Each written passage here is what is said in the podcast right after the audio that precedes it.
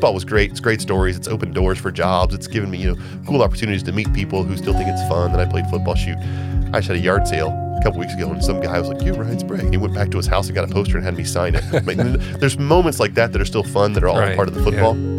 But to me, the real issue is the fact that I consider my, my life eternally shifted because of my mm. exposure to Coach Bowden and his prioritization of faith.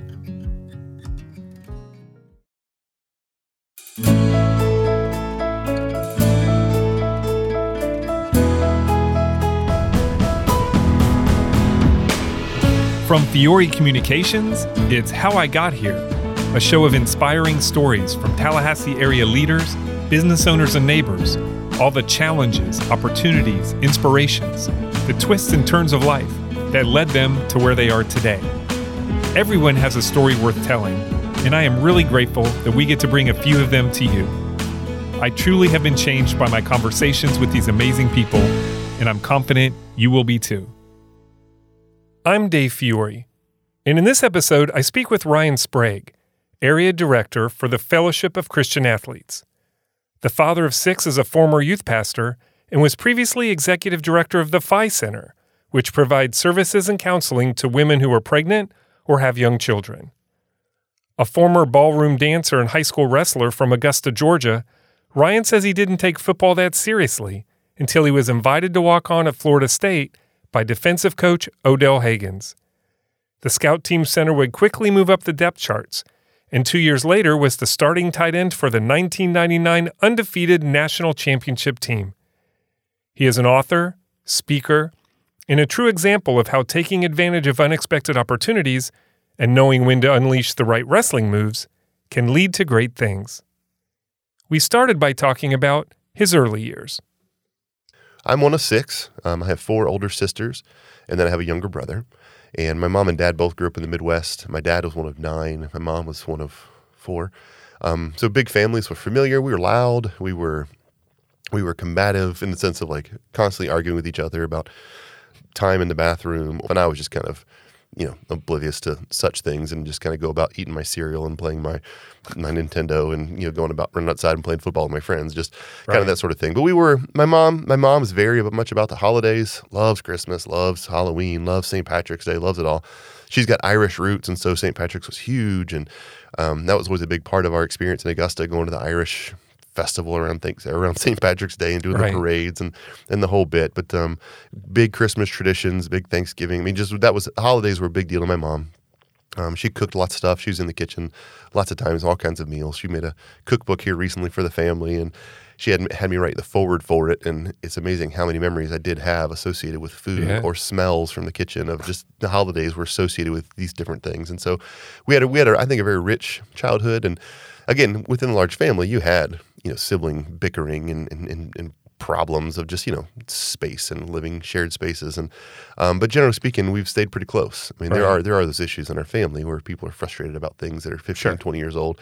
But generally speaking you know, we all still get together for christmas and or, or thanksgiving depending on on the year. And um, people stay in touch generally speaking. And we've always kind of prided ourselves on a family that even if we're in the midst of something, you know, somebody doesn't agree about something or somebody's frustrated about something, if there's an issue that ever turned up, you know, they all kind of rally around each other and Yeah. they show up and, and they whether it's something happening out in Colorado and everybody's got to fly or something locally, we show up for each other. And so I consider myself very blessed to have had a family that cared about each other and that valued the idea of a family to a high level and it created a very safe space for me to grow up and figure out who I was and um, it's a very good thing. So yeah, my family experience was very rich, I think, growing up. Yeah. What'd your dad do? My dad was in sales, and so he um, he was in the military, and um, but he was in the military on the I don't know what you'd call it, the non-engaged side. Like he was always stateside, and he was working in like medical sales and research kind of stuff. Like Okay. he- um, and he got out of the military, you know, relatively soon, and he got involved with private medical sales. He worked for a company called Picker for a long time, and then he was with a group called Toshiba Medical, and they sold things like CAT scan machines and Yeah. MRI machines. And when he got done with that for a little bit, he had a there's actually a kind of a bummer of a story. He was uh, involved the whole football thing. If you want to come back to it, we uh, Yeah. he was right on the verge of of being let go from Toshiba. They had a had I mean he'd been in like the Hall of Fame previous year, but his sales had dropped. And when I was playing football uh, FSU, it was before the Bowden Bowl, the Clemson Florida Yeah. State Tommy Bobby game. He had a handful of deals he was working on throughout the upstate, and he invested a bunch of money and time in these clients, and he had gotten all of them tickets to go to this game. It's kind of a part of the let's close the deal thing. Right. And um, at least as far as I remember the story, they all came and they all went to the game, and it was all a big part of the fun. But the deadline passed before my dad closed the deals, and uh, he didn't. He ended up you know losing the job there, and someone else came in and closed the deals. I'm sure, but that might move my dad into trying to do private medical sales, and so all of a sudden now he became an installer also, and he's bought warehouses and he started buying smaller kinds of equipment, and so he'd go to like a local doc who wants to just maybe upgrade their you know smaller office x-ray machine and buy that Yeah. thing and take out the x-ray tubes and sell the tubes to other people and so he's been a way to he you know he found a way to kind of reinvent what he was doing to maintain um, and diligently create a space for himself to continue to provide for the family in a different way All right. You went to Lakeside High School. Is Yeah, that right? yeah go panthers it was a new high school when we were growing up my sister was the very first um, graduating class one of my sisters was and we were yeah we were probably three four years the school existed before i started going to school there and we took pride in our little lakeside high school in Yeah. the panthers and So what was what were those years like for you? they were i was kind of uh as i've reflected back on it now when i was in the moment you know i clueless you know i was just being a dumb high school kid and again not, not i was never a bad kid you know i was never a very hyper cool kid so i was able to avoid any kind of real you know setbacks or trouble but i was mischievous and i talked a lot and i knew a lot of people and then you know i got suspended once or twice just for being you know A knucklehead. a knucklehead, yeah. I got in a fight once or twice, but again, these are just like two knuckleheads in the same space, you know, awkwardly brawling with one another that you know no one's actually fearful of, and Yeah. the coaches are rolling their eyes, going, "I guess I've got to get you guys in trouble." Um, but so nothing, nothing serious. It was just I enjoyed high school very much. I was um, my friends would have probably said I, I kind of wasted a lot of my high school years because I just was far from initiated. Like I, all I wanted to do was you know show up and talk to people and eat lunch and play basketball at lunch and hang out. I didn't apply myself academically at all. I didn't apply myself athletically at all. I have a friend of mine who used to tell me that I was a waste of height because he was he was he was very focused on getting to college and playing Right. football and he dedicated himself in the weight room. He dedicated himself to his diet and he was focused, but he was, you know, he was five eleven. You know, and I'm walking around six five and you know lollygagging everywhere and just playing all the time and never applying myself. He's like, man, what are you doing? What I would give to be six five, right? Exactly. Yeah, Yeah. So that's why you're so waste of height. And I even had another friend of mine um, who was more academically focused, who chat one day in the hallway, just like, "What are you doing? Why don't you apply yourself?" Like recognizing that if I wanted to, I could have been doing AP classes, or I could have been, you know, pushing myself to go and apply for the great colleges. But I just at that point in my life You just didn't care. just didn't care. Yeah, and not, I wasn't apathetic about life. Like I wasn't like a melling. I was a happy-go-lucky kid who just was content with my four or five friends and content with my. I mean, the where I was in life. If I go to college, if I don't go to college, didn't really care one way or the other. Um, I just was kind of just happy to be there. and you played a lot of sports. I did. Yeah, I was doing sports forever. Um, I don't know if that was as much for my parents getting me out of the house and me now having a couple kids. Um, we've got one in particular that if we don't keep him engaged with sports, where he's actually out burning calories and doing some stuff, mm-hmm. that creates problems in the home. Not a not a rebellious kid, not a bad kid, just a high energy, passionate, you know, ball of fire. And when he has outlets, basketball or gymnastics or whatever, he tends to come home a little bit fatigued, got some calories, and he's good. He's helpful. But when he's not, he gets stir crazy. He's just ready to go move. So you think you were that kid? A hundred percent, no doubt about it. The, My my my my relationship with my sisters and my relationship with my parents was was challenging at times. I was a about a jerk of a kid. I my kids laugh all the time about the fact that I'll tell stories. I was a rotten kid. Um, I was mean. I was I was a bully as much as you can be a bully at like nine years old or seven years old. I was I was aggressive. I was combative. I rejected all authority.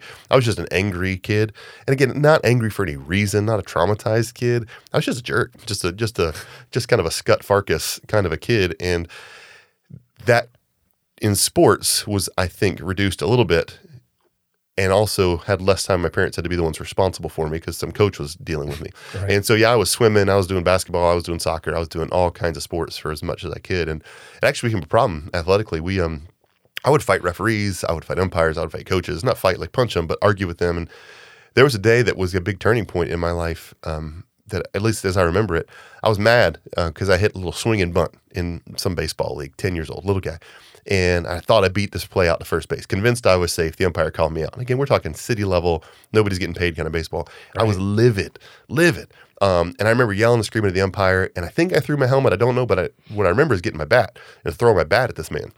And that was the end That's of that. That's a problem. It was a problem. Yeah. And my dad came and um, literally took me off the field, out of this place, going home. And he just kind of, again, best of my recollection, the ultimatum was, you'll never do anything like that again. Uh, you, otherwise, you'll never play any kind of sports again. And for whatever reason, that registered. And I kind of had a shift. There was a time, now somewhere 10, 11, 12 years old, where I shifted from being that kind of a guy to, all right, well, I'm going to be like the consensus builder. I'm going to be the team guy. I'm going to be like, I'm going to use all this energy and I'm going to become like Mr. Encourager, helpful guy. And it was a, I mean, as quick as a 180 as I can remember, you know, to be 10, 11, 12 years old to do it. And I became that guy. And so I started using some of that um, antagonistic side of me to try to make you, my opponent, do something stupid. And so I kind of took some pride in that, ribbing and, and messing with you a little bit. And if I could get you mad and like shove me or say something stupid, I realized it could be to my advantage. So you became Larry Bird, basically. I don't, rem- I didn't watch Larry Bird, but if that's how he rolled, then yes, I became a little bit of Larry he, Bird. Apparently, he is the all-time champion of trash talking. Okay. Yeah, I, w- I, did, I was never creative enough to trash talk, but I would definitely rib you and, and give you a hard time. And um, but yeah, so it just was a you know, sports was always a part of my life. I liked being outside. I think my parents saw it as a as a good outlet for me, and it was something that I was doing. I mean, in whatever season was going on, I was somewhere practicing, somewhere playing, and it stayed a part of my life for a long, long time. All right. I also understand that you were into ballroom dancing. I wasn't into it, but I did it. Yeah, my mom. Well, you did it for like four years, and right? I actually taught it too. And my mom, so my mom's uh, tends to get what she wants, and she's unafraid to to go for things. And there was this thing growing up in Augusta called social, and that's what we called it. It was a it was an old school um, social manners, decorum. Boys wear tuxedos, girls get fancy dresses and wear like the gloves up to their elbows, and teaching people about etiquette and, and, and proper behavior amongst the, the, the, the sexes. And they, my mom insisted that I do this. It was just, you're going to do this this is like middle school or high school. middle school? school. Uh, last couple years of middle school and into high school. I don't remember exactly the years, but it was non-negotiable. You will do this. Okay. And so I had to go and awkwardly, you know, you show up these things, they teach you how to waltz and they teach you how to foxtrot and you would learn how to do a tango and you're learning the very basics and you would then have to throw out that you'd learn steps and then they would make you go and pick someone to dance with. And it was there was I was kind of proud of that because I was a wallflower as it became like girls. There was I was never going to approach a girl and I just was not confident in that way. And again, I was very content with Mario and in Donkey Kong and those sorts of things. Just never was going to be a thing. So that helped me in that regard to not be a complete you know buffoon as it pertains to the opposite sex. And then uh, we'd go and they'd have a formal every year, and we they'd rent out the civic center, and we would all go and dance on the on the floor of the civic center. And all the families were there watching again, formal wear, formal attire, all the way up to this thing called a cotillion club. Yeah. Cotillion Club is your fourth or fifth year there, and you have to apply to do it. And again, my mom was insistent that I would do it. I was absolutely not going to apply. So my mom applied on my behalf. And most people, the application was an eight and a half by 11 sheet of paper.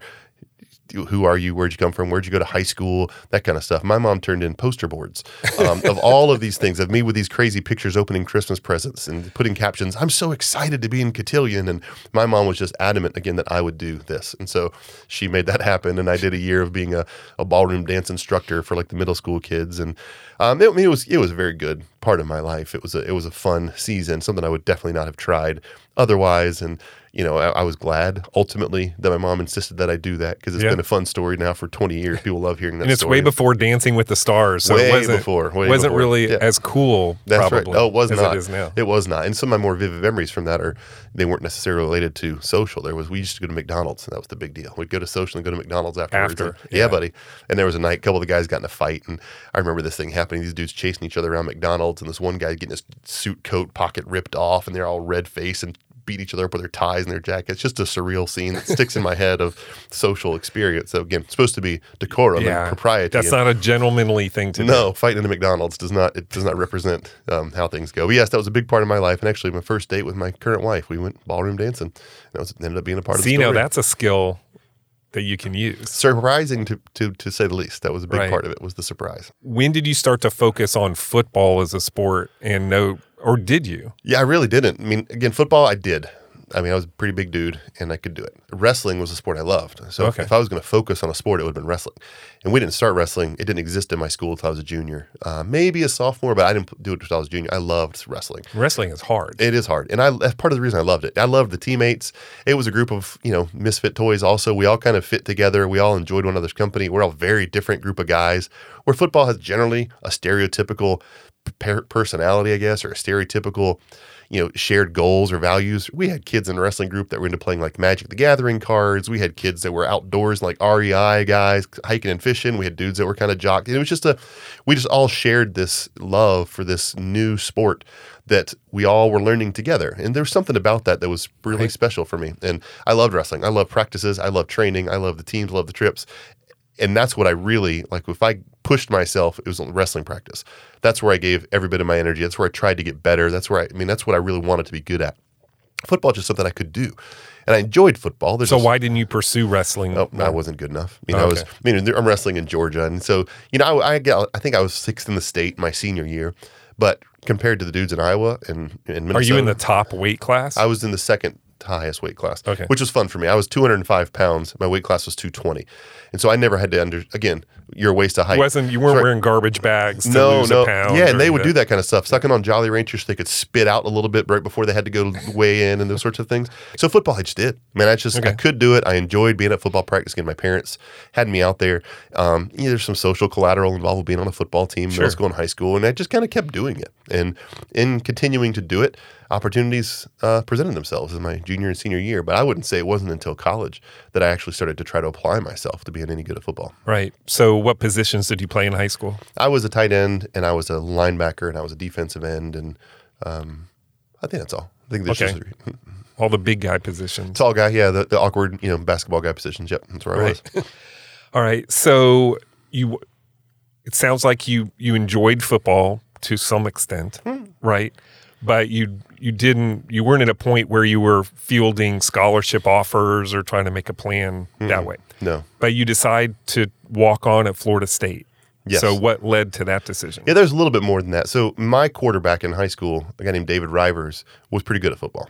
Um, similar build to me, but not as not as broad as I was, but 6'3", 6'4", you know, could throw the ball a mile. He was getting recruited by colleges, and Okay. he ended up taking a full ride scholarship to Virginia, and he played quarterback at Virginia. And my best guess is that because of his um, accomplishments, some of the guys on our team, you know, were picked up, you know, in the sense of Scouts were coming to see him, Yep, and yep, and people knew who we were, and so I got invited to the University of Georgia's football camp my junior year with David. So the two of us went together, and I ran around there a little bit, and that's when the coaches uh, was Ray Goff, and Ray Goff was a little bit more of an old school, traditional. We have tight ends and fullbacks, and you know we're not afraid to get four yards at a time kind of coach. Right. And there was some interest from Georgia, you know that hey maybe this guy could be something. So they started sending postcards or whatever. Oh, okay. And I started getting some little postcards from some other smaller schools like Presbyterian and you know Gardner Webb and schools around the upstate South Carolina and Georgia that were Division three or Division two. Just because I think there's some sort of database out there that once one guy, once you get into the into the the the sea of potential high school athletes that might be in college, people could just kind of start sending out feelers. These were generic; they weren't addressed to me particularly. They didn't. They didn't. It's not that they knew who I was. They was just fill these things out and be I put in literally your name, your height, your weight, your GPA, what positions you've played. They're just getting information. And I at least got on the list of people that were trying to find out information about me. okay, And so Jade Ray Goff got fired. Jim Donnan came in at Georgia, who was all about four or five receivers. They were no longer recruiting any kind of tight ends, so I lost any kind of connection with them.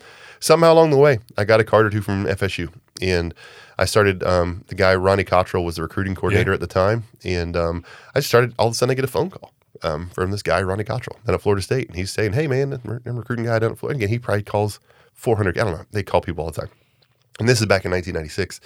And I started getting, I mean, the only school that actively recruited me was Florida State. Wake Forest, sort of, kind of, maybe a little bit did, to the point that I went and did an, I did an unofficial visit to Wake Forest. Unofficial is where you pay your own way and you stay at your own hotel. And since you're there, they'll give you a tour. Yeah. And so I did that to Wake Forest. And Florida State invited me to come down, but I, they told me you're going to have to come down on an unofficial visit. And so I came, and I came down to Tallahassee, and I got to go on the whole recruiting kind of whirlwind that is recruiting trip. Again, that was fun, right? it was a thrill again, and I didn't even really fully appreciate that I was getting like the the B side of a recruiting trip And so, like these guys, if you see the cra- crazy recruiting stuff now, the photo Oh, shoots yeah. and in the stadium, you get jerseys with their names on, all that kind of stuff. The photo shoots. Yeah, I got a photo shoot in front of a locker with a practice jersey. But at first, my mom and my dad and I, it was like, you know, I'm the biggest deal in the whole world. And so Yeah. I was, I mean, my ego allowed me to absorb that hook, line, and sinker. They love me. I'm a big deal. And I, I, I suck that, that, that, I absorbed that whole entire experience yeah. for me. Um, and again, I, I stayed on some dude's couch. I mean, it was, it was not at all like an official trip, but it was, it was a, it was a good experience to me. And, uh, Coach Odell Haggins was the one who I got to sit down with as a coach, and he just showed me his championship rings. He said, "You come down here, you're going to get one of these every year." You know, and again, he gave the same pitch to me he would have given to somebody else, and that Yeah. I did. And my debate was Wake Forest, whereas you get a free laptop um, if you go to school or Wake Forest because they're going to make you be great at school, or go to Florida State and get a chance to get a ring, and people are going to think you're cool. So to me, I was committing to Florida State straight out. And I remember coming back and telling my friends in high school, and the response was, "No, you're not." yes, I am going. No, you're not. That was I mean, generally it was not going to happen, right? So I get Because Florida State, these are the deal. dynasty oh, years. Man, they're killing people. Yeah, This that, is- that was the biggest deal out Yeah. there. Yeah, and, and again, I'm oblivious. I was a Notre Dame fan growing up, and I only followed college football if Notre Dame was on because they were on NBC. I could see them all the time. Right. My dad was kind of a Big Ten fan. Notre Dame uh, won the national championship in 1997, which is the year I was born, and that's how I picked my team. I found an almanac. Whoever won the championship in my birth year, I was Really? going to pick them. I picked Notre Dame, and they happened to be on TV all the time. So yeah, I was Rick Mirer and Jerome Bettis and Raghib Ismail was my favorite player. I mean, I loved Notre Dame, so I knew about Notre Dame, Purdue, and Notre Dame, Michigan, and I knew that I read history books from Notre Dame. I knew about the old Knute Rockne days and Notre Dame and Army, and I quoted speeches. I mean, a lot of the Rudy story, as far as like his infatuation with the school, was a part of my story. So Florida State was clueless. I actually, funny little side note, when I thought about Tallahassee, what came to mind was FAMU because my next door neighbor were Georgia Southern fans and they hated FAMU. So this is again the heyday of Erk Russell at Georgia Southern, and I don't even know who the Billy Joe maybe was at FAMU, and they were mm-hmm. they were going tooth and nail for championships every year. And all I knew is we hated FAMU because Georgia Southern loved Georgia Southern, and they all just this there was a school in Tallahassee. So to me. The first college football I was aware of in Tallahassee was FAMU. Right. And it was news to me that Florida State was in this town. And so that was just kind of a, oh, cool, they're in the same place, right on. And so they, uh, I was the, it kind of came to a head in like an embarrassing way. Um, I was told they were going to come watch me play. So Odell Haggins has called me and said, hey, we're going to come up and we're going to watch you play. We're going to be here this day. I'm like, sweet. I'm telling my friends. Yeah. Yeah, you don't think I'm going to Florida State? They're coming to watch me play. so I'm telling the story, and um, going into like the Thursday night before the Friday game, my coach brings me in and tells me I'm, I'm being demoted to second team. And so there's this junior tight end who's you know a little bit more athletic, a little more basketball, a little bit taller or whatever. And he tells me he's he's the one that's going to play. I'm like, coach, You can't do that. not no, you can't do that. Florida State's coming to watch me play. So again, in my mind, I'm I'm a blue chipper. In the, the mind of my student body friends, I'm living in a fantasy tale. And here I am, my coach telling me, "You're not even going to start for us." And you think you're going you know that whole thing. So I'm like, I convince him, I beg him, I plead, and he keeps me as a So starter. let you play? Uh, he can let me start still Okay. crazy thing Friday the game, telling me, yeah, Florida State's going to be here. I get a call from Odell. Um, hey man, Coach Bowden's is bringing us all in. We got to get ready for something. I'm not going to be able to make the game. So, so all I've now So got. now you is- look like you made it all the up. whole thing. All I've got is this legend of this is what was going to happen. And so again, I had plenty of friends that, that, that still didn't believe that I was going to be there until Yeah. actually, you know, I'm in Tallahassee and telling them what was going on down there. So it was a it was a funny thing. But eventually, yeah, they just Coach Cottrell told me if anybody offers you a scholarship, take it. We don't have one for you, but if you don't have any other scholarship offers and you want to come down, you can come down and walk on. And so that's what I did. So came down here in August of 1996 and. Um, myself and uh, Clay Ingram um, was a recruited walk on at the same time, who's now like works in the president's office at FSU and was a representative here in the state. He and I were in the same class and in the same recruited walk on situation. So there's like four of us staying in an empty dorm because we couldn't go to the players' dorm. We weren't allowed there because we were on walk ons.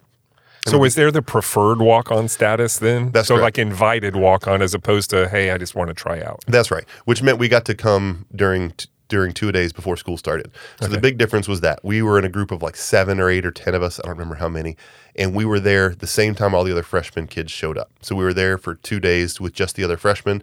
So the idea of somebody knowing what your name is and um, you feeling a little bit more like you're a part of the group has higher probability than if you're one of the walk-ons who shows up just the first day of school and you're three weeks behind and you're um, in an anonymous crowd of people. So the preferred walk-on advantage really is that, that that you have the possibility to be known faster. And I think being known is a big part of, of how I ended up getting a scholarship and getting to play more. But uh, yeah, that was that was what the preferred walk-on scenario was for us. Is I was out there just kind of, and it was scary, man. I remember the first guy I kind of met was Henri Crockett. And Henri was, I guess he was a senior at that time, and he hadn't played the NFL for a while. But all I know is I came down the hallway toward the locker room and I saw a, like a, an upperclassman. And I was starstruck. I didn't know who he was. I didn't know anything about FSU, but all I know he was an upperclassman. And I was mortified to talk to him. And I was like, hey. It's like, and I was trying to figure out like how to get the locker room. It was just a very awkward interaction with a guy because I was just overwhelmed with the reality. Like, can I, like, can I believe this is like where I am and what I'm Right. doing? And this guy's like some sort of superstar, I'm sure, you know, in that whole idea. And so very And legit D1 athletes look different too, right? yes, they do. Different than me. So Yeah. that's for sure. And again, I mean, was, th- than what you were used to being around. right. I was tall. Right? So I was tall. I mean, I was six five, but I literally Yeah. came to school at about 205 pounds. So I was I was thin. I was lanky. Um, I had no muscle anywhere. And I was running. I remember there's guys coming in that were muscles everywhere. They looked like professional wrestler guys to me, and they were in my class. Then I saw guys like Andre Wadsworth who were four years into the program who were 280 pound machines. And yeah, oh yeah that, i definitely looked different. Um it was that was again i struggled again with you know do i fit here? Yeah. am i going to make it here? Uh, these guys are all stronger than me. They're all faster than me. They all are you know mr i mean tom Polley was mr football in maryland and you know these they had mr football from texas and this guy was the number one linebacker and that guy was i mean they were they were recruiting anybody they wanted Right. came to florida state from all over the country and i'm saying what am i doing? So what is your role day to day on the team? Are you like on a scout on the scout team and you're like getting beat up by the starters every day or what was that like? Yep, I was on the scout team, and so I was uh, I was playing center. Um, I don't remember what year they decided that I was going to not play tight end, but I was going to play center. But I know at some point one of the coaches said to me, "And you know, you got pretty good feet for a tight end, but you could be, have great feet for a center. So there's going to see you're not very athletic actually. If you want to try this position over here, you might be able to leverage that. But I I had them they had me playing center, and so they they had a, a deflated football wrapped up in like athletic tape, and so they want me. To I actually broke one of the quarterback's fingers when they had me playing snapping with a real football. So I snapped deflate, deflate deflated football. They didn't want scout team exchanges on the center to quarterback exchange. So the quarterback always had the ball, and I'd have to do that. And we're blocking again. This time, that defensive line was Peter Boulware, it was Andre Wadsworth, it was Connell Spain, it was Greg Spires. All these guys played in the NFL for a long time. Right. And I'm out there clueless, trying to play center. And the guys next to me are offensive linemen. They're all recruited. So guys like Justin Amman and Ross Brandon and Jerry Carmichael and Jared Moon, these guys all were recruited to come play. All of them were big, strong, hulking dudes in high school, became much bigger, stronger, hulking guys in college. And I'm out there again, the, the odd man out, but that's where I was. Right. Um, so I was doing that, and I played tight end and center during that time, and yes, got beat up. Um, it was never going 100. percent Like we, as a scout team, we were never going fully live. Um, there would just be times where the guys would remind you that they were a lot bigger and stronger than you were, and so the moment you kind of got yourself a little bit too um, too high in yourself that hey maybe I can do this thing. One of them would go 100%. And you didn't. There was a time where Andre Wadsworth, he wasn't being a jerk. Andre was great, but there was a time where one of the coaches got onto him and was, you know, telling him he wasn't going hard enough. And I had to block him the next play. And all I remember is as soon as the ball was snapped, I was off of the ground and I was going backwards. And he went straight into the tailback and he tackled the tailback with me in between him and the tailback. So he tackled the two of us at the same time on the ground. I was like, okay, that's, Just to show you he could. that's reality. Yeah. Yeah. And he, so yeah, that was, so yeah, I got beat up on scout team for a couple years. Hey, everybody. Just a quick reminder that this episode is brought to you by Fiore Communications. Just like people, every business has a story to tell, and we've been helping our clients tell their story since 2001 because who you are as a company is just as important as what you do. To learn more about how telling your story can make a difference in your business, visit fiorecommunications.com. Thanks again for listening. Now back to the show. All right. So, what was the transition from that walk on kind of not not really in the mix so much to becoming a scholarship athlete and and getting a lot of time on the field and being an important part of the team? Well, it goes back a little bit to wrestling. And I believe that um, when I was, it was my freshman year, their guy named Connell Spain was one of the defensive tackles, and he was fireball, big, strong fireball. He was fireball, and he was jawing with one of the guards that I was the one next to. You know, you're going too hard. Slow it down there. You know, we're, we're not here to be superstars. You know that kind of rhetoric. And for whatever reason, uh, maybe it was that desire to protect my teammates from that I talked about, but for whatever reason, I decided to tell Connell Spain to shut up. In, in whatever words I chose, it was like, "Hey, back off, idiot," something along those lines. We're in the huddle at the time, so we're there. John Lilly was the guy running the scout team, and he's showing us a card what we got to do the next play. And I had turned around and said this, so Spain comes to attack me. Then, like we're in not during the middle of a play, he just leaves this line of scrimmage, runs the five or six yards to our huddle to come and decide to attack me in this moment because I talked back to him. And in that moment, I just reacted and wrestling days came back to me. And when he hit me, I grabbed one arm and grabbed the other arm and fell and I rolled over and I had him and I just held on for dear life. And in the holding on, I had his right arm, like with my two arms, and his left arm with my legs. And I'm just put all the way and just holding on for dear life because this guy's going to kill me. And they came over there, and this probably took six seconds. I mean, because it was just unexpected. They all just did a fight in the middle of the doll. But by the time I got over there, Odell had come over there, and Odell's a big dude. Yeah. Odell pulled him off, and then was in the middle of us. And again, he started yelling at him because he, you know, did what he did. And he, again, college kids. But by the end of practice, that episode had become I beat him up. And the legend had grown around this episode. And all of a sudden I had guys knowing who I was. Hey, there's that guy. Good job, Sprague. I heard you to Spanky. This kind of Spanky was his nickname. Even Warrick Dunn. Like Warrick Dunn intentionally came aside and be like, hey man, I heard you to Spanky. That was awesome. And again, so the legend of what Yeah. this was grew and it became And this Warrick didn't talk a lot. no, right? not not a lot at all. It, it became a fishtail. I mean, it became That's this awesome. big story, and I went from anonymous to known in that moment, even after practice. Spanky like run out of practice with me. He's like, "Hey man, you good job there, whatever." And it's just known. And so then in film the next day, of course, that was a part of the process too. Everybody's watching the film and they're seeing this little just roll and thing that I did, which a wrestling move. yeah, a wrestling move. But again, the imagination of this thing was he's going head over heels, he's getting slammed. But anyhow, this just became this thing of this guy who had beaten up Spanky. And I do believe that was a big part of it in the sense of I was now kind of part of the club, at least a little bit. Um, coaches knew who I was. There was something, I mean, I just, again, I think the difference between a walk on who gets a scholarship and a walk on who doesn't get a scholarship isn't necessarily far superior athleticism. Again, I wasn't moving from walk on to starter. I was just same level of ability, but an opportunity to go to school for free. It wasn't because I was a great athlete, but what separates you from anybody else? What separates you on a resume from anybody else? Somebody notices something, right? And in that context, it was at least that. And I think I started to grow up. I mean, I went from 205 pounds my freshman year to about 260 pounds going Wow. into my next next my next summer. I think that was part of it. So I got I was offered a scholarship my the summer of my freshman year. At the end of my freshman year, and part of that was due to the people getting kicked off the team. So all this happened right away. That was pretty that much. whole first year. Those little, Okay. those couple little episodes. But then there's a couple guys that were dismissed from the team um, from doing things they were, should have been doing. Um, Hmm. One guy stole from somebody in the locker room, and Coach Bowden, he, you maybe always heard about him giving people second chances, third chances. One of the ones that he would not tolerate is theft in the locker room because Hmm. again, it violated that team idea. One of the guys did, and he was off the team, and so scholarships opened up. And so I was given a scholarship. And so, yeah, going into my second year, I was on scholarship um, with uh, Wow. Seminoles. Big Okay. deal. That was a big deal. Right. And you primarily played tight end. Mm-hmm. Um, Well, no, no, golly, I didn't lay to tight end until I was junior. So Okay. they couldn't figure out I was going to play. So I don't remember what years it was, but there was a time where I was like the fourth string center, the third string fullback, and like the fourth string tight end, which the bottom of the depth chart in all three positions. And any given day of the week, I was practicing with a different group and in a different meeting room, and they were trying to figure out where I fit. It just was an awkward size, and and the combination of my height, my weight, and my athleticism didn't lend itself to fitting perfectly anywhere and they were experiencing depth problems at all three places. And so i was kind of doing all those jobs and any given day doing all those things which helped me i think. I i developed better blocking technique playing a center and you know i developed better open field technique having to play fullback and i had to learn more of the offense comprehensively learning all those positions. So all of that was beneficial to my ultimate where i ended up landing. But uh, it wasn't until i was a junior that i landed at tight end and stayed there. Okay. And that became your position, and you got playing time. And That's the one I loved of Yeah. all the positions, and that's the where yeah, that's right. I became a starter my junior year, and so I was starting with the team that '99 year, going for the championship in my senior year. But in both those scenarios too, a little bit smoke and mirrors. Like there was a guy who came in, Nick Franklin, who was the number one junior college tight end in America, who got recruited the summer of going into my junior year. Again, they're looking at the tight end available to them. Eh, this, he's adequate. We can Right. bring in a guy, and Nick was told he had to show up in shape. And if he didn't show up in shape, he wouldn't start. And we did a mile run as our test. He didn't make the mile run. So my very first game in my junior year, I got to start.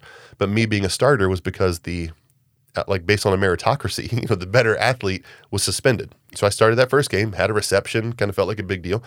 Immediately the next Monday, I was bumped back down to second team. And Nick was supposed to be the starter.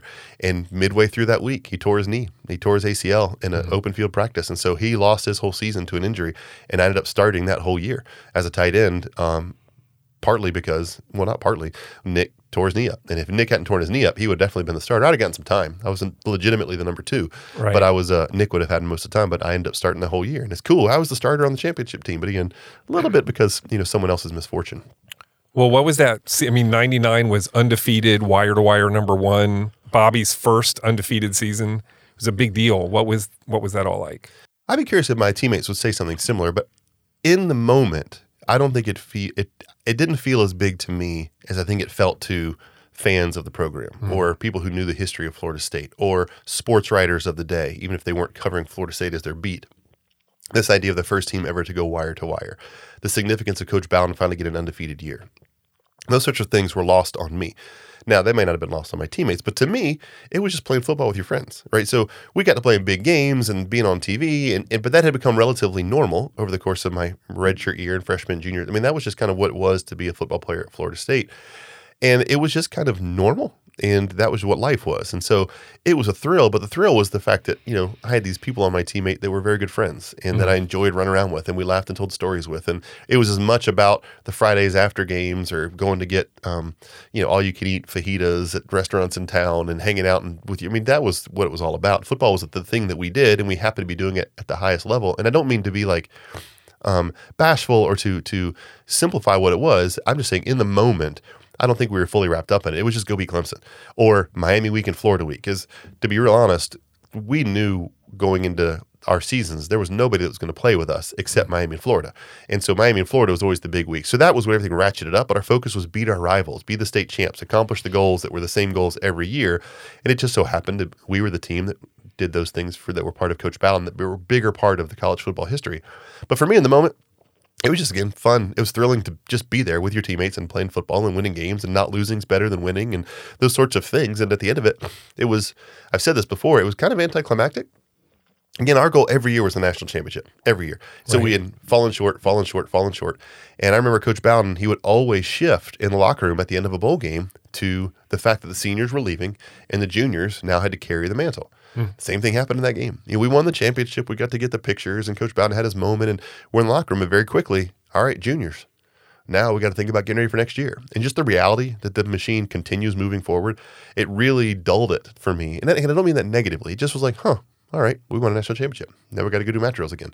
It was just kind of, it was just the, the next thing. And so it was just a part of life being a football player here. And again, I don't look back, looking back now, I see how amazing it was. Like we were a part of such a great time in history, and most people don't go play college football for five years and only lose five or six times, and they're not playing in the big bowl games every year. And they're not. Right. That's we were an incredible time. That It was cred- oh, yeah, oh, it was crazy. incredible. But again, in the moment, it was just normal. Yeah. So, what was it like playing for Coach Bowden?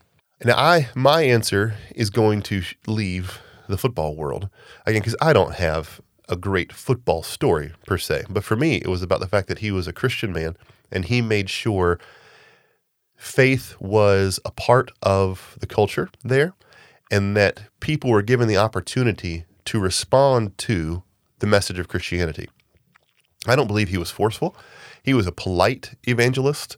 Um, but the big thing he did was he made room for that to be there. And so having a chaplain with the program all the time in Clint Purvis, um, David Van Halanger, the strength and conditioning coach, Coach Bowden giving him room to facilitate a fellowship of Christian athletes huddle with the football team and other other athletes there.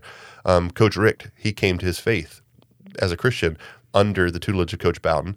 By again, they went through a tragedy as a team, and Coach Rick went to Coach Bowden with the big questions of life. You know, and he hmm. came to believe in in Jesus Christ, and he became a Christian. So when I look at playing for Coach Bowden, it's the fact that when I came to Florida State, I was not a Christian, and then when I left Florida State, I was a Christian, and beyond that, I developed like my vocational trajectory out of that reality. You know, everything I've done in my life professionally has centered around the idea that I'm a Christian, whether it be working in churches or at the pregnancy center or the mission work I'm doing now with the Fellowship of Christian Athletes. It all stems from that moment in being a part of an FCA program in January or February of 1997. All of that was possible because Coach Bowden made room for that to be a part of that culture there. So to me, football was great. It's great stories. It's opened doors for jobs. It's given me, you know, cool opportunities to meet people who still think it's fun. That I played football. Shoot, I just had a yard sale a couple weeks ago, and some guy was like, "You Ryan Sprague," and he went back to his house and got a poster and had me sign it. Like, and there's moments like that that are still fun that are all Right. part of the football. But to me, the real issue is the fact that I consider my my life eternally shifted because of my hmm. exposure to Coach Bowden and his prioritization of faith. You mentioned it earlier, but another important thing happened in college. That's that you met your wife Jenny there. Mm-hmm. So, what was that circumstances? Was it you were at an FCA event, and did I'm sure you just caught her attention and she ran right over to you and had to meet you, right? to to a degree. Really? you know, playfully. No, we laugh with the story because she tells me that she met me three or four times before I realized that I had met her, and you know she'll playfully say it's you know because she, you know I, she, I hadn't caught her attention appropriately. I was too big of a big deal. I was looking for other people to talk to, or however she likes to kind of playfully remind Yeah. me that she knew who I was and knew my name, and I, I had not made it a priority to to prioritize learning her name, and so she'll tell that story. But no, we were we were at an uh, we did FCA together at FSU, and we're involved with like the weekly gathering and. There was a time that I remember where she was, we were at a camp together. I think it was camp, but she was playing up on stage playing the djembe. And I just saw her up there playing the djembe and, and watched her smile. And it was in that moment of kind of seeing her. So I was like, oh, who is that girl? And again, she will laugh. She said, Are you "We've kidding? met four times." We've had we've had dinner twice. You know that kind of an idea. But I, that's what that's what I remember kind of noticing this person, and and she very quickly became a, a big part of my life. And um, I was again, I told you earlier, I was, I was an awkward person around the girls, and I remember she we like to tell the story too of how I first kind of asked her out on a date it was this awkward scenario of us me being at her apartment with her roommates and a bunch of guys. We were all hanging out, you know, just being college kids, doing whatever we're doing. And I intended that day like to, to ask her to you on a date or whatever. And I just was horrified of actually doing that and possibly her saying no. And um, I just lingered, just kind of hung around. And next thing you know, I'm like, there's only me and a couple roommates left. I fell asleep on the couch, just sitting on the couch because I was just trying to muster up the guts to say, you know, something. She took somebody home, you know, and I'm, and I'm finally there and I'm like, well, you know, I was just wondering if, you know, maybe could we possibly, if you wouldn't be too invasive, possibly maybe hang out together, you know, just the two of us. You know, one of these awkward. She's like, yes. And so she was, she was, she was, she was kind enough to to ease that that awkward ask for me. And so she made it happen, and that's where I ended up ballroom dancing around Lake Ella. All right. So after you graduate, you actually have a shot in the NFL with the Steelers, right? Mm-hmm. You had a tryout, or where did you go as a free agent, or what happened? I guess technically speaking, I was a free agent, so I didn't get drafted. I remember I sat there and watched draft day. It was a big deal, and it was a, partly a big deal in my memory because I was interning at Killearn United Methodist Church with the youth ministry at the time, and there was a TobyMac or Franklin Graham. I think it was a Franklin Graham crusade was in town the same weekend as the draft.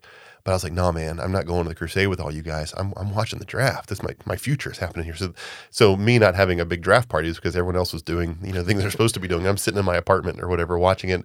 Day one goes by. Day two, no, I don't get drafted. I get a phone call from my agent after the draft's over. Hey, congratulations, you're a Buffalo Bill.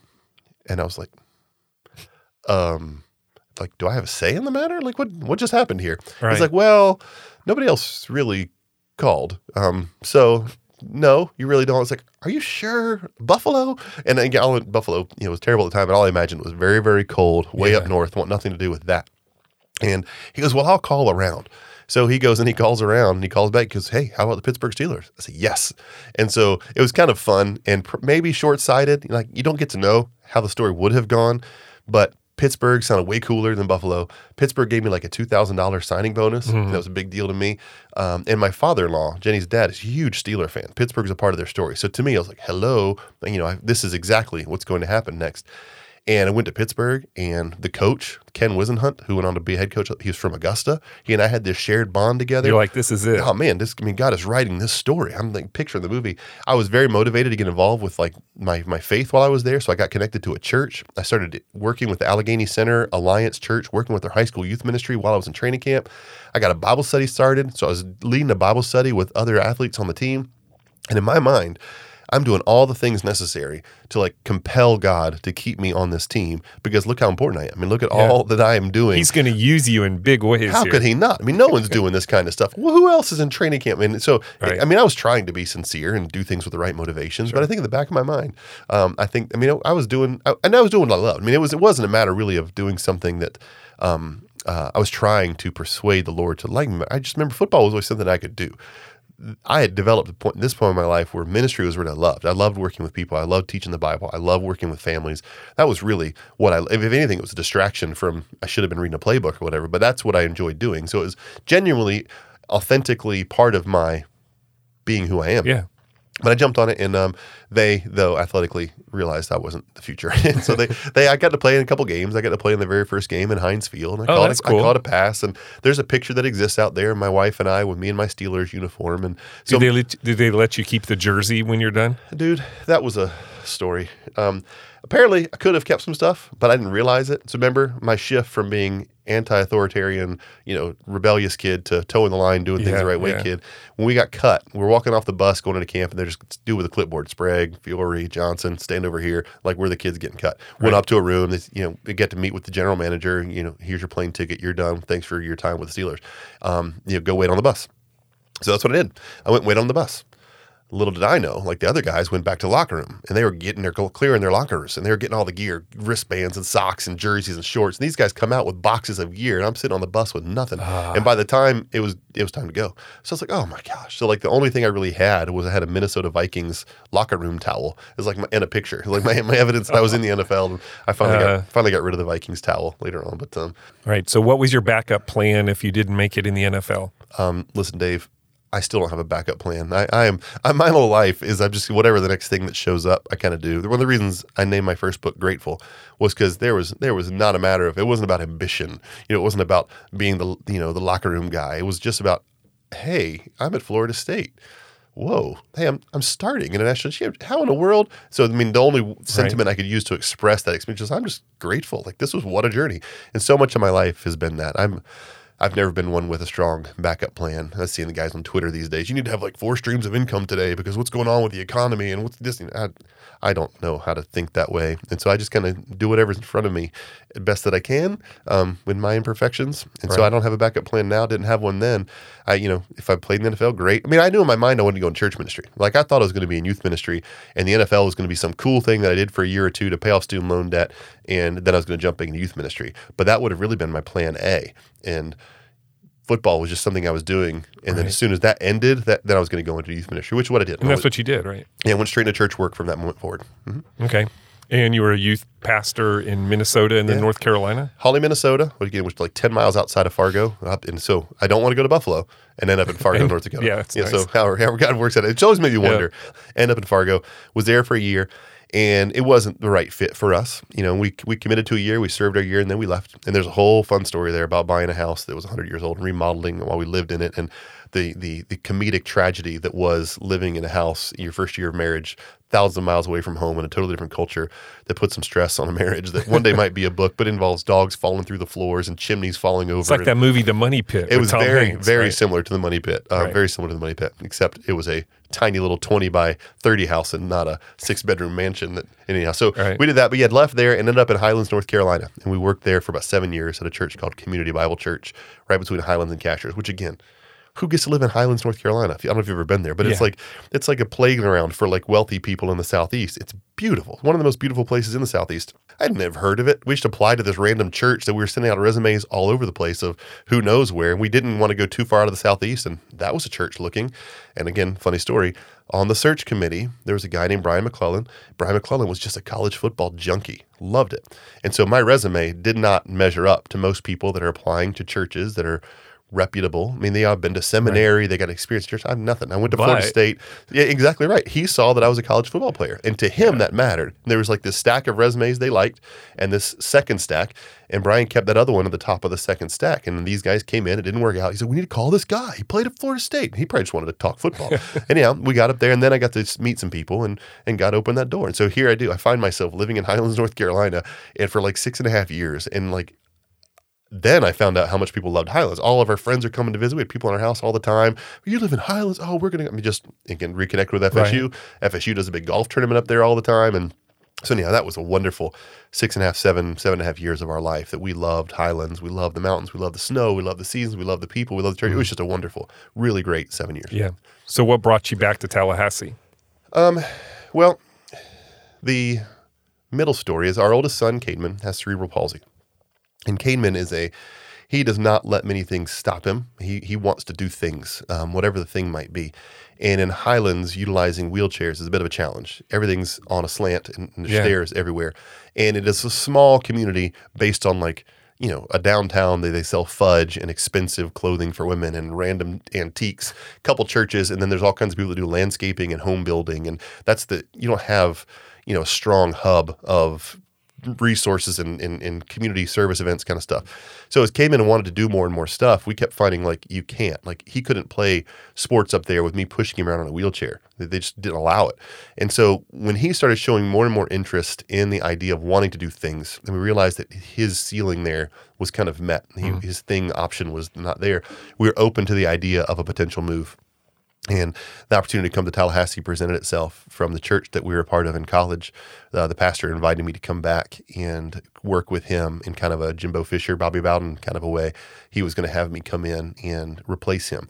And so we jumped to that opportunity. We moved to Tallahassee, and one of the first people we met was a lady named Christy Carter, and she was working um, with the disabled community at the time, and she got us plugged in. Found a physical therapy service.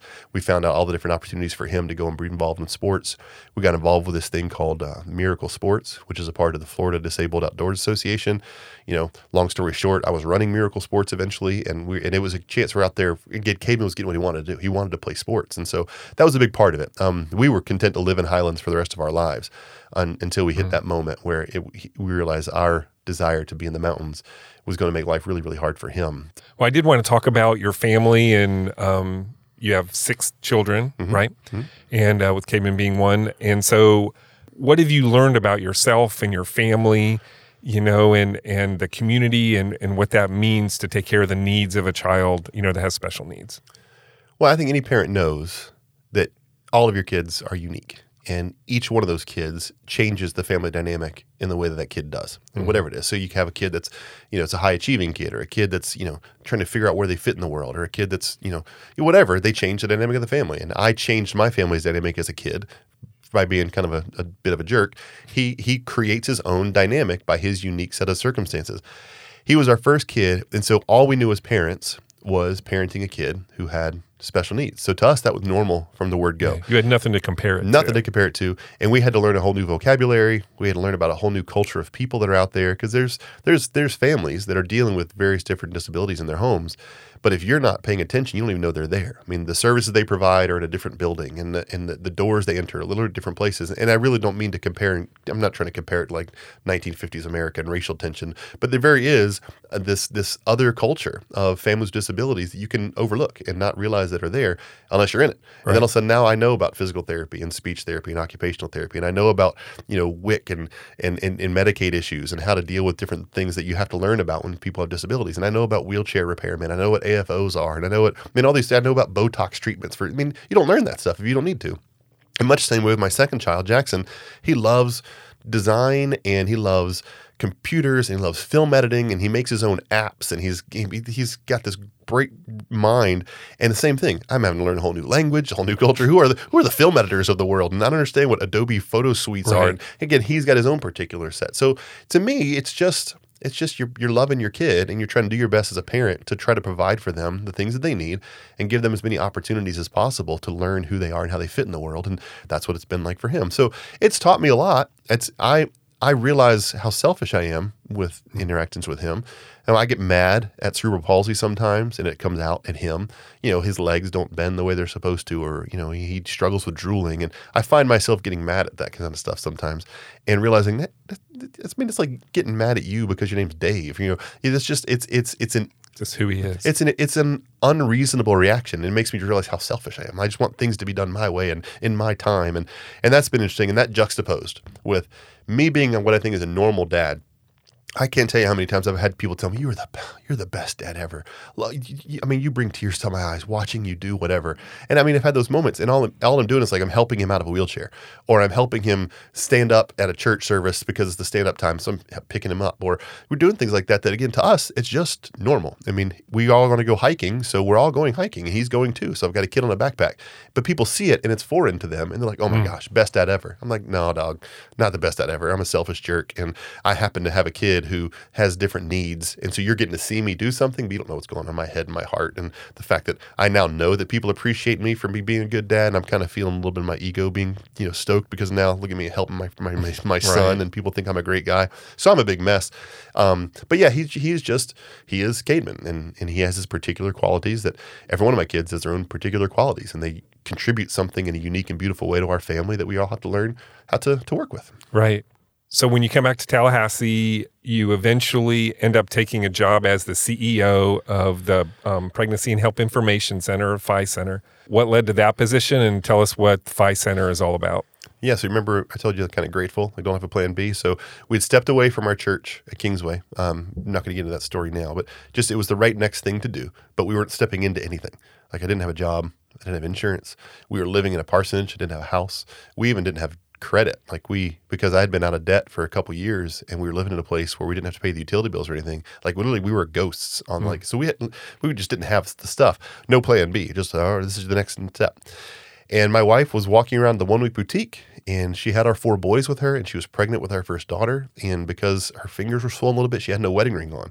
And so Connie Moore, who's the director of the Phi Center at the time, has got a little booth set up and she just sees this apparently single mother of four who's pregnant with a fifth walking around the one boutique, rummaging through, you know, used bibs and This whatnot. poor woman on her right. own. So she Yeah. says, "Hey, we can help you." You know, and so she starts talking to her and finding out who she is, and and finds out we don't have insurance, and invites us to come down for an ultrasound.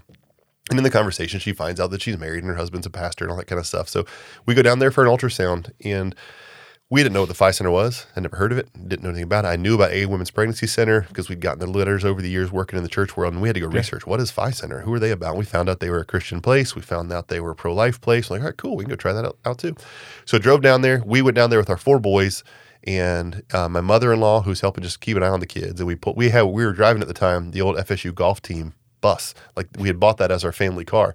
And so we pull into this place with the Seminole logos on the spears on the side and they just come pouring out. Seven of us come pouring out of this van and we kind of just take over the Phi Center. No one else was there at the time. Jenny was getting her ultrasound, and we got to see our little daughter Lucy for the first time. We got to show our, our boys an ultrasound and see what their daughter, daughter sister looked like, and Yeah. it was a good moment. And I I'm unemployed at the time, and as I'm walking around, I'm telling Jenny, I was like, I wonder, I wonder, I wonder if you know I could work here. Is there anything available to us? And I'm literally in the back of the building having this conversation with Jenny, just about I'm just looking for work. So I decided I'm going to go ask Connie if there's any chance for me working there. And I walk up to the front of the building where she's standing, and she goes, would you ever consider working here? Like before I could even get the word out, I was Yeah. like, get out of here. So we go and she has a conversation with me about um, the possibility of coming back. We leave and she calls me like an hour later and she says, Hey, what are you doing? It's like, whatever you need me to do. And so she has me meet her at a coffee shop. Um, and we go meet out there and she tells me her plan that she's told the board that she's going to be retiring. They want her to create a succession plan. She doesn't know why, but she thinks I'm supposed to be the one to come and take her place when she leaves. That she's got this person coming in for an interview later that she's probably supposed to hire because they've got experience in the pregnancy center world or whatever. But she goes for whatever reason. And so she's talked to the rest of the staff that was there. And because we'd had some common bonds, Karen Luger was there, and her and I had some overlap at Colonial United Methodist. There's some, there's a lady in, in Minnesota named Carrie Abbott who had done some abstinence training that I'd been a part of as a youth pastor and done some teaching on myself, and they loved Carrie Abbott, so we just had a little common interest. Yeah. But she ran it by them. What do you guys think about this guy coming in and being my successor? Like this sounds great. So again, they've known me for two hours, and so she's telling me that hey, I want you to come in and be the CEO. So I say, listen, I need a job, and if you agree that I don't share your picture that I'm going to be the CEO of this place in five years, and you know that I'm actually actively looking for other churches to work at, but you'll allow me to come in knowing I just need a job, I'll take it. She goes, okay. She kind of smirked and took it. And then 10 years later, uh, Yeah. the longest job I've ever held. And I was, I was the CEO there. She thought it was going to be a three or four year plan. Ended up being about 18 months. And I was the CEO there. And she had felt the Lord let us go. And uh, then, then I started doing that, which was an eye opening whole new world for me as a as a human, as a as an employee, as a missionary, as a father. It changed my life significantly working there. Yeah, well, let's talk about that. What what is the core of what the Phi Center is, and um, you know, kind of what impact does it have on the community?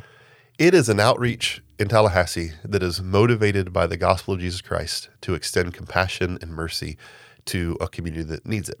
Now, it centers around this issue of abortion, right? So the issue of abortion is what's legal and what's not legal and what happens and what's going on with the life of the womb. There's all the philosophical, legal, theological, moral questions that surround that.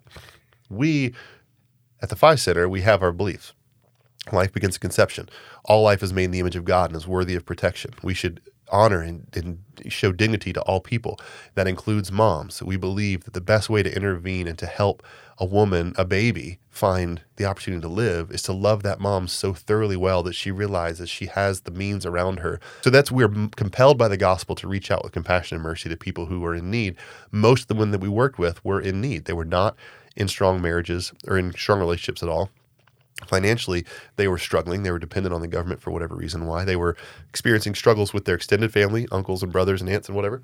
And so we'd find these people in various forms of crisis. And so our job was to listen to them to hear them to get to know them to appreciate them to affirm them to build them up all with the goal of understanding that motherhood is natural, having a baby develop inside of a woman and delivering that baby is natural and good. And we wanted to help them see that vision and to mm. give. So we, never did I get into like a philosophical debate. Never was in a political debate with a client. Never was. I mean, that's not what the reality is. The reality is one of our staff sitting across from some girl who's coming in and who's almost all of them wanted to be moms many of them weren't ready to be moms in that moment for whatever their circumstances were. So it was a lot of crying. It was a lot of listening. It was a lot of hugs. It was a lot of reassurance. It was a lot of, are you aware of all the services in the city of Tallahassee that are there to help you? Do you know there's this? I mean, that, that's what it was. It was a lot of it was just reassuring. You know, it was somebody who was fearful of the next step, not aware what that step's going to look like, right. and helping them see there is a way here. So again, I think the Christian response of compassion and aid and assistance to help reassure and to come alongside is is a necessary part of the solution. Yeah. Okay, so you were there for 10 years, mm-hmm. like you said, and do you feel like you moved the needle or accomplished your goals or, you know, got done some of the things you set out to do? I would take that all the way down to an individual level and answer the question. Yes. There are there are there are 9 and 10 year old kids right now in mm-hmm. Tallahassee that are second and third grade kids that don't realize that they have a shot in this world, you know, because one of the staff at the Phi Center loved their mom well mm-hmm. and help their mom realize that abortion wasn't the only option they had and they could give that kid a shot. And if that's true of one, then I would say arguably, you know, job well done. You know, we did something. Right. And then recently you have transitioned to the Fellowship of Christian Athletes. Mm-hmm. Right. So tell us about that job. And um, I know you're working on the three college campuses here. That's right. Um, FAMU, FSU, and TCC. So what what is that job and what, what are you hoping to accomplish there? Man, hoping to accomplish. Um, remember, don't have a good plan B. You know, my, my job's I'm hoping right. to learn. What, what are you doing yeah. tomorrow? I'm learning to learn the ropes right now. I'm yeah. learning. This is the first time I've ever worked for a place that wasn't local. I've only worked for like local churches or local. So learning about like corporate and working for a place that's global, it's a whole new kind of paperwork right. and a whole new kind of processes. So there's a lot of learning there. So for for, for people who may not know, first, what is the Fellowship of Christian Athletes? Oh, so the Fellowship of Christian Athletes was started back in like '54, I think. Um, Branch Rickey, who you may know, he's part of the part of the those that follow sports from back in the day. You know, he was seeing athletes peddling, you know, Pepsi or whatever they were peddling back in the day. And it's like, hey, man, wh- why can't we utilize this platform to advance God's kingdom? And the inception of idea of FCA was born then. And what it is is FCA is a an effort to utilize the platform that is sports to try to advance something more significant than sports out there in the world, namely the gospel of Jesus Christ. Right mm at, at the heart of FCA, that's what we're trying to be present in. The fact that again, yes, people love basketball and they love golf and they want to watch football teams, and God has given us these bodies that can do incredible things. And sports has become a big part of our culture. But at the end of the day, it isn't, you know, those big questions in life. It's not dealing with why am I here? It's not dealing with what's going to happen when I die. It's not dealing with what happens when my mom gets cancer, where those are questions of theology. So FCA tries to step into that realm of sports and bring those things into that space. All right, I, you mentioned earlier about the books you've written, so mm-hmm. I wanted to touch on the fact that you are an author. Um, so you've written two books. You've had two books published, right? Yes. So tell us about those real quickly. Well, in full disclosure, self-published. Okay, I, I published those books. Hey, it's still but, published. Still published. Yeah, still went through the process. Had to learn about cover art and learn about yeah. formatting and learn yeah. how to. But you didn't get the big uh, bonus up. No, no, no, no, no bonus. And I learned a little about commerce. And I mean, the closest thing I know about small business is my first two books. Yeah. So Grateful was my book, which is an autobiographical memoir of my five years at Florida State. I was blogging at the time about writing about my son primarily and just processing my own thoughts and minds through a computer screen. I was entering the blogging world. This has been back in 2004 or five, whatever. Right. My friend goes, "Me, I'll tell your story. I mean, p- your story is an interesting one. Walking on and being a part of the championship team, and he's he's one of those guys. That's a sports guy, loves it. And actually, was one of my friends. Like when I told earlier, the people in my life that were running around with me at nine years old and doing the Goonie Trail or whatever yeah. was one of those friends yeah. who's in Atlanta, and we haven't stayed terribly close, but we, he just calls me or we're texting, emailing. He goes, "You really ought to write your stories." I read the, wrote that first book, but then I had to go, okay, how do you print these things. So I had to get friends. So my friend Matt Thompson over with um, in town, he heard about it, and my friend, another friend of his, introduced me to him, and he got excited about helping me. So he found me a cover artist. He helped me create a website, and he just like pro bono because he loves FSU, wanted to get that story out there. So yeah. again, grateful. I, I don't Matt's Matt's competency in social media and Matt's skills and people he knows the, the got put behind that book that most people self-publishing don't get. I mean, I have a beautiful product that was created by people who are I couldn't afford because Matt just thought it was cool to help. Right. And so Matt was so generous with his time and with his with his connections to get me started. So I had to go and find the money to print a couple thousand books. So I did, printed a couple thousand books, get Rose Printing here in town. I got to learn about the book printing world and all it was just a fascinating thing to go on. And then I had to go sell those things. And by God's grace, I sold every book that I wrote. Um, so we sold a couple thousand books. And That's great. I was able to kind of buy groceries based on that. And I, and it was easy. I could go to Panama City and talk to a football group about football stories and they'd buy my book and I go to Orlando and to you know get to go hang out and talk football with Seminole fans and they'd buy the book and it was just it was it was win win win win for me. All right, final two questions. One is Ryan, looking back, what would you say is the one thing or person that changed the trajectory of your life to this point? First name that comes to mind is Randy Hill. Randy Hill was my wrestling coach in high school. And between my junior year and senior year, um, again, at this time, I'm starting to get nibbles from colleges. I got a shot to possibly go beyond that. I had failed my French class my junior year, and I didn't care. Remember, I was not a very motivated student. And I didn't want to deal with summer school. I didn't want to deal with telling my parents. So I kind of just, you know, didn't tell anybody. I'm running around the gym one day during the summer, and I hear this girl, Why are you so stupid? What? And this is my wrestling coach. He's yelling at me, Sprague, why are you so stupid? What's going on? You failed class. And he starts explaining to me that because of that, I wouldn't have my foreign language credit, which meant I wasn't going to be able to get to college, which meant I was throwing. He literally, literally grabbed my ear like out of an old sitcom, walked Right. me to the guidance counselor's office, got me enrolled for summer school, made me stick around and get that done.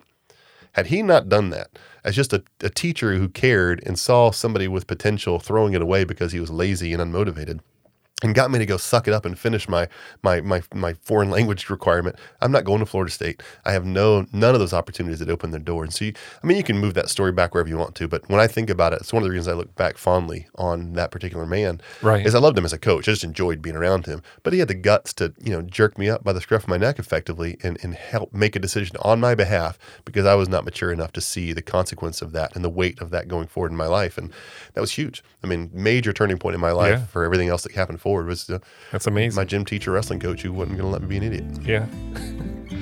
All right, final question. The podcast is named How I Got Here. So we've talked about how you got to this point in your life. And I'm laughing now because I know what the answer is going to be. I'm laughing because I think I know So, the question. where do you think you're going to be in three to five years? And I know you have no idea, but I still want to Yeah. throw it out there for you.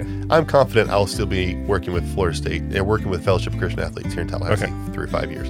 Um, I'm excited about the fact that we do work in Argentina, and um, we didn't get into that part of the story, but FCA is organized in such a way that the Panhandle of Florida, our kind of sister nation, is Argentina, where we Okay. work there.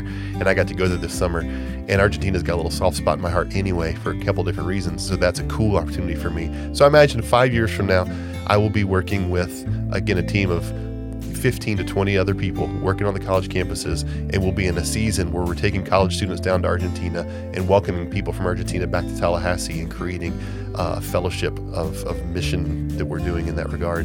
Um, and I'm excited that will be present. I'll have two kids who have graduated college by that time, and I'll have other ones in college. So I'll definitely still be in the throes of like business of, of domestic responsibility. But Yeah. I'm pretty confident vocationally that's where that, that's where I will be. I will be doing that. If I were dare to be so bold as to you know project a dream, five years from now, I would love to know that there's a third book out there with my name on it that I've, I've decided to dedicate my time to creating. And I will be speaking Spanish by then. Again, I'm learning Spanish now. I bet the whole Argentina. So I think five years from now, I don't know if I'll be fluent, but I'll be speaking Spanish. Um, Larry O spoke it out into the space, right? Now, now I'm going to be That would help in Argentina. Yeah, that's my goal. I felt like Okay. such a jerk, dude. When I was down there and I didn't know the language, I just felt rude and it felt unloving and unkind to not know their culture and their language better. And so I'm very motivated to learn it. And so I got Rosetta Stone for Christmas and I've been Nice. sitting around doing my classes and I'm trying to do my best to learn the language in part to be, you know, I think human to them.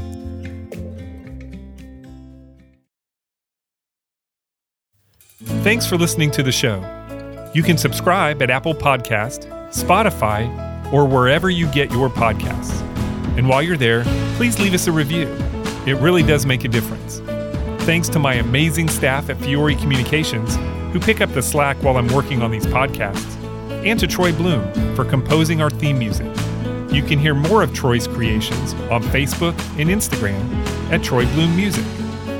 To connect with the podcast or suggest a future guest, Follow us on social media or email us at podcast at fiorecommunications.com.